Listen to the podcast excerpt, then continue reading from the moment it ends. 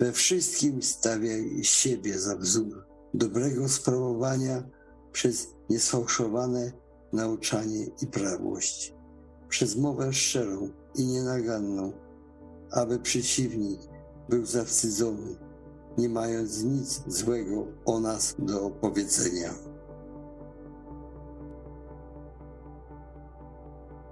I właśnie dlatego dołóżcie wszelkich starań i uzupełniajcie waszą wiarę cnotą, cnotę poznaniem, poznanie powściągliwością, powściągliwość wytrwaniem, wytrwanie pobożnością, pobożność braterstwem, braterstwo miłością.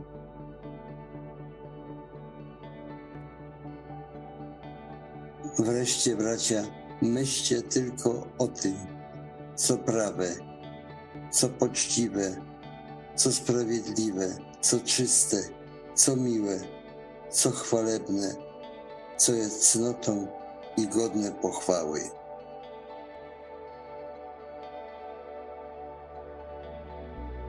Psalm Dawidowy. Panie, kto przebywać będzie w namiocie Twoim? Kto zamieszka na Twojej górze świętej? Ten, kto żyje nienagannie i pełni to, co prawe